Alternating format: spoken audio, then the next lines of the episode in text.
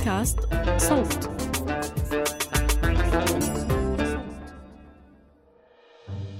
وهنا كان دوت الهدف منها بقى إن إحنا خلاص إحنا عايزين نعمل محاكاة ندرس ال- التغيرات ديت. إن إحنا نعمل دراسات انعدام الجاذبيه السريريه يعني أنا حتى وأنا بدور على على حاجة مصطلح بالعربي بس كل اللي موجود اللي هو الخبر بتاع ناسا هتدفع مش عارف إيه عشان تقعد في السرير. مدي حالك على سرير مريح رجعي راسك ست درجات تحت مستوى جسمك وما تقومي من محلك لسبعين يوم. هاي على ما يبدو وصفة لتروحي للفضاء أو بالأحرى لتجيبي الفضاء لعندك.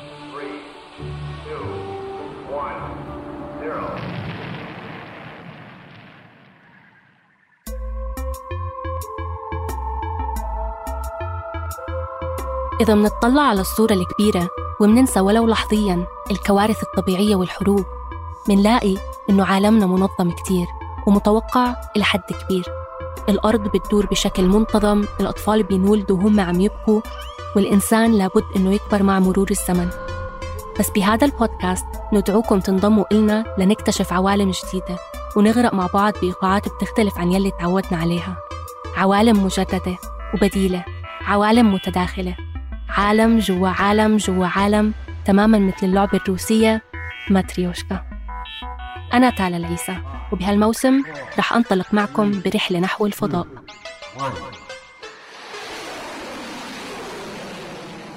تعرفوا الإعلانات اللي كانت مرات تطلع لنا عن الناس اللي بدها تعطينا عشرين ألف دولار عشان نضل نايمين بالتخت من 30 ل 70 يوم؟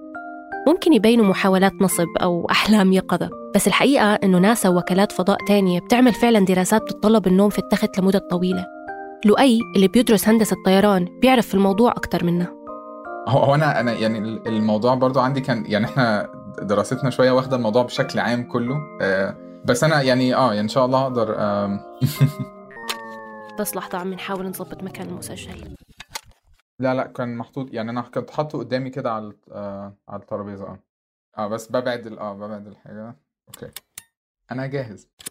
ال bed rest studies. طبعا لو ليها اسم عربي يبقى كويس. يبدو إنه إلها. أحيانا بتترجم لدراسات الراحة في السرير ورح تسمعوا لؤي عم بسميها في الحلقة دراسات انعدام الجاذبية السريرية. هي بدأت مع بداية خروج الإنسان للفضاء لأنها كانت بتوفر لينا طريقة إن إحنا نحاول نشوف هو الفضاء دوت بيأثر على جسمنا إزاي. إحنا دلوقتي عارفين يعني متخيلين أوي الفضاء بيأثر علينا إزاي وكده وخلاص إحنا شايفين رواد فضاء موجودين حوالين يعني بره الأرض طول الوقت فالموضوع بالنسبة لنا شوية عادي. بس أول ما برامج الفضاء بدأت في الخمسينات والستينات For the first time in history, man reached beyond his planet and began to probe the mysteries of space. الموضوع كان غريب جدا علينا لدرجة إن هم مثلا كانوا متخيلين هل في رائد فضاء هل في إنسان ممكن يبقى موجود جوه كبسولة في الفضاء من غير مثلا ما انعدام الجاذبية يموته. وعشان كده أول مهمات فضاء طلعت. ما طلعناش بشر طلعنا حيوانات باعتبار إن يعني حياة الإنسان أهم. فطلعوا قرود وكلاب وهكذا يجربوا فيهم الأول.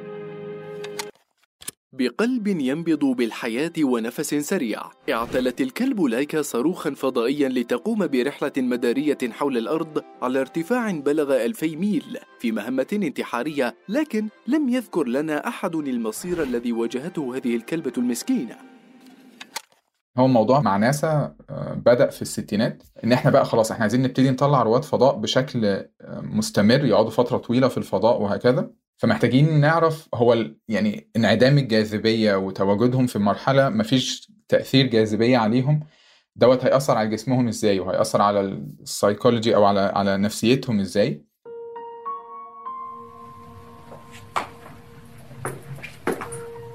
هذا صوت فيديو لرائد فضاء عم يحاول يمشي بعد ما قضى 200 يوم في الفضاء. منشوف حواليه خمس أشخاص عم يحاولوا يوجهوه ويسندوه. خطواته مش ثابتة ومش قادر يمشي في خط مستقيم. هاي بس واحدة من التأثيرات اللي بتحاول تدرسها هاي التجارب وفي غيرها كتير.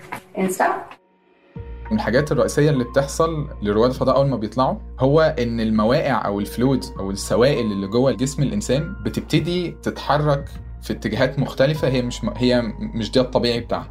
إحنا وإحنا على الأرض يعني أغلب الوقت إحنا يا إما واقفين يا قاعدين بس دايما في جزء علوي اللي هو راسنا وكتفنا وكده دوت فوق وفي جزء سفلي اللي هو الرجل وكده. فدايما وإحنا على الأرض في مثلا سوائل أكتر في الجزء السفلي أكتر ما في في الجزء العلوي لأن الجاذبية شداه لتحت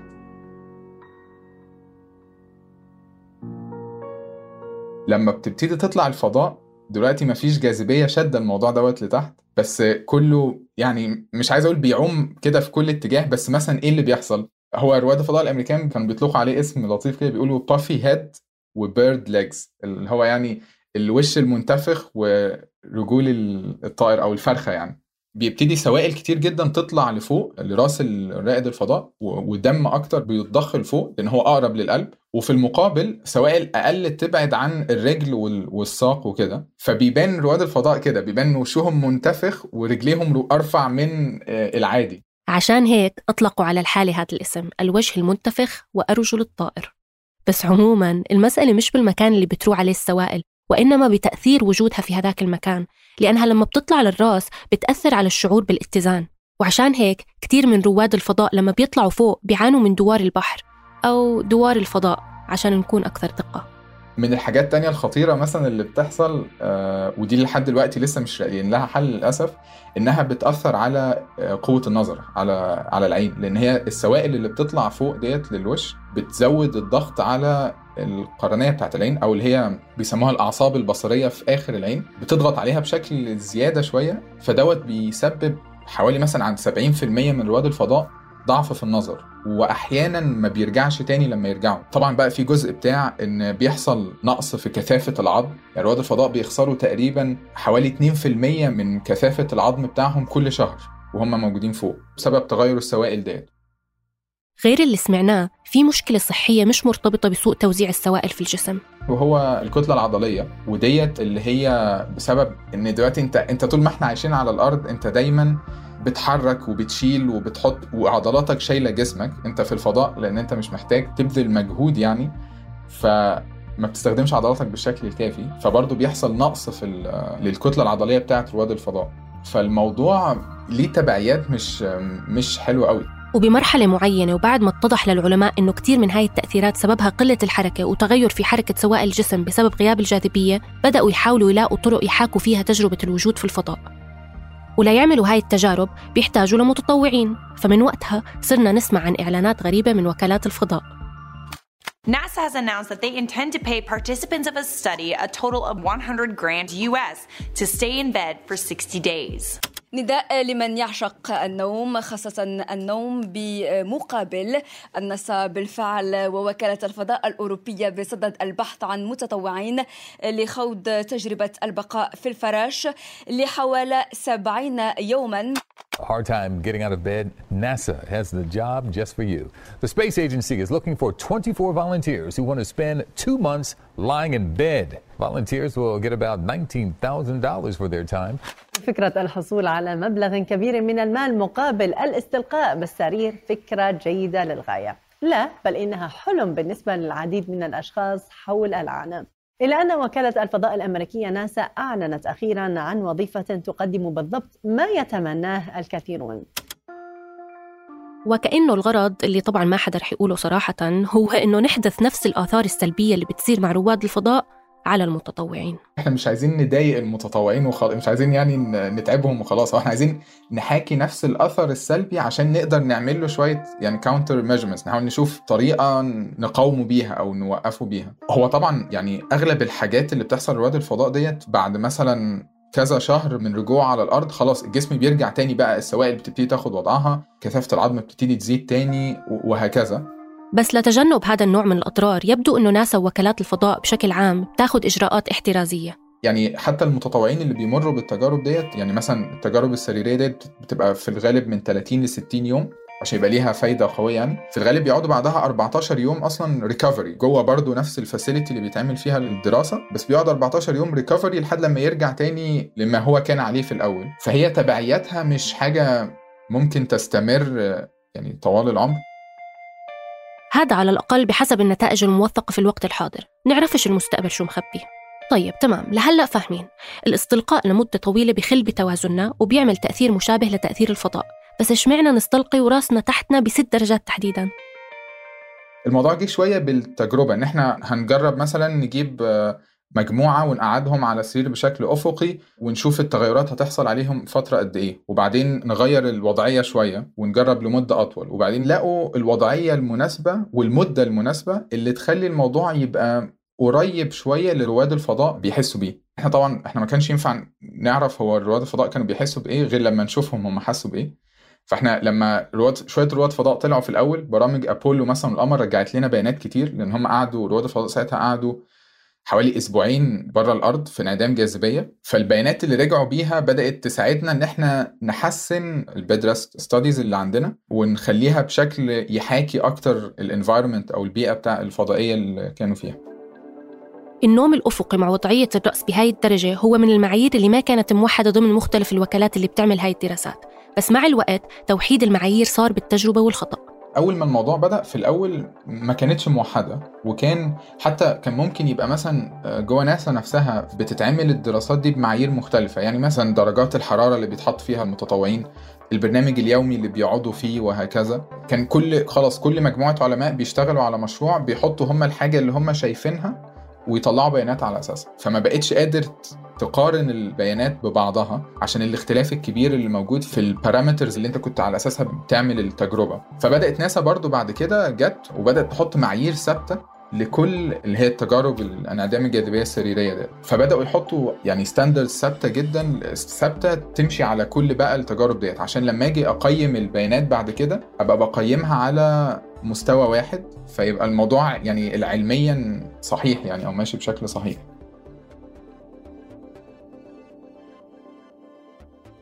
Hello, I'm Megan MacArthur, a NASA astronaut living aboard the International Space Station. I often get asked how we accomplish daily life tasks aboard the space station, so I thought today I would show you how I wash my hair in space. هذا فيديو لرائدة فضاء من ناسا عم تشرح فيه كيف بتغسل شعرها في محطة الفضاء الدولية. بتفرجينا بطريقة شوي كوميدية كيف بتحاول باستخدام المنشفة تسيطر على المي وتمنعها من إنها تطير. مع ذلك منشوف قطرات المي وهي طايرة يمين وشمال. في بيئة ما فيها جاذبية ممكن فعلا تخطر على بالنا أسئلة حول كيفية أداء المهام اليومية زي غسيل الشعر. بس السؤال بعيد طرح نفسه في سياق دراسات انعدام الجاذبية. اللي صحيح إنها بتنعمل على الأرض بوجود الجاذبية لكن متطوعيها مطلوب منهم يستلقوا طول الوقت. في مدونة بتوصف تجربته في التطوع بدراسة من هذا النوع بيقول واحد من المتطوعين إنه التجربة بشكل عام ما كانت كتير صعبة وتعود عليها بعد كم يوم. بس الجزء اللي ما قدر يتعود عليه هو الاستحمام. ما كتب تفاصيل بس يبدو أنه بيكون مستلقي على سطح بلاستيكي أملس على الأغلب وبيلخص التجربة غير المريحة بأنه جسمه بيصير يسحل لفوق لجهة راسه بسبب الصابونة. لا أخفيكم دورنا كتير أونلاين بس ما عرفنا نلاقي إشي أكتر من هيك عن كيف المتطوعين بتحمموا في هذا النوع من الدراسات. بس ما بعرف على الأغلب رح يكون أسهل من الاستحمام بالفضاء. تعالوا نحط المزح على جنب شوي. هاي الدراسات على الرغم من فضلها في إنها بتساعدنا نفهم تأثير الفضاء على رواده إلا إنها ما بتقدر تحاكي التأثير النفسي اللي بيكونوا عرضة له.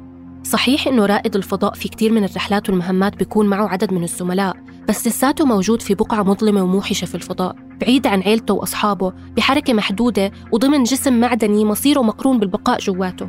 وانطلاقا من هذا المبدأ هاي الدراسات هي بس جزء من دراسات أضخم تحت مسمى Human Space Flight Research. المعنية بدراسة كل شيء بيصير للإنسان جسدياً ونفسياً بوجوده في الفضاء.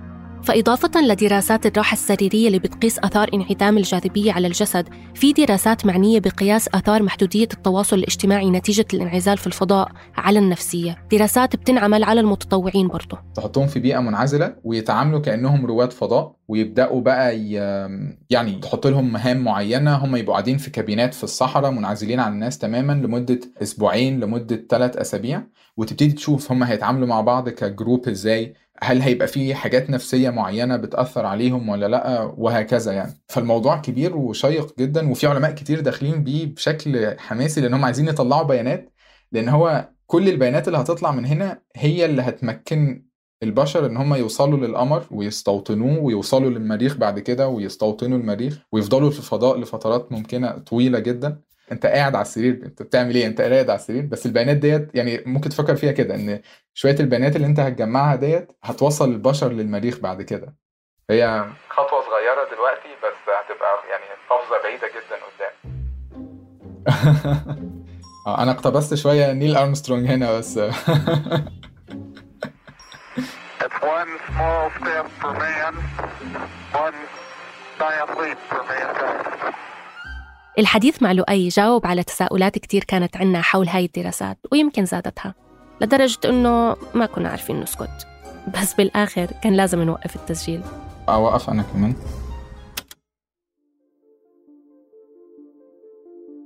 هاي الدراسات هي بس قطرة في بحر من الأسئلة المتزايدة اللي بتلاحقنا في مسيرة اكتشافنا للكون حوالينا. أسئلة عن نفعية استكشاف واستيطان كواكب أخرى مقابل الاستثمار في كوكبنا.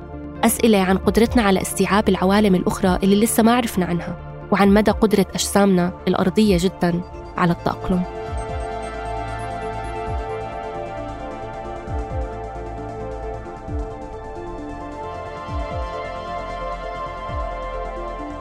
كنا معكم من الإعداد والإنتاج جنى قزاز ومن التحرير محمود الخواجة والتقديم تالا العيسى ومن الهندسة الصوتية نور الدين بالحسن.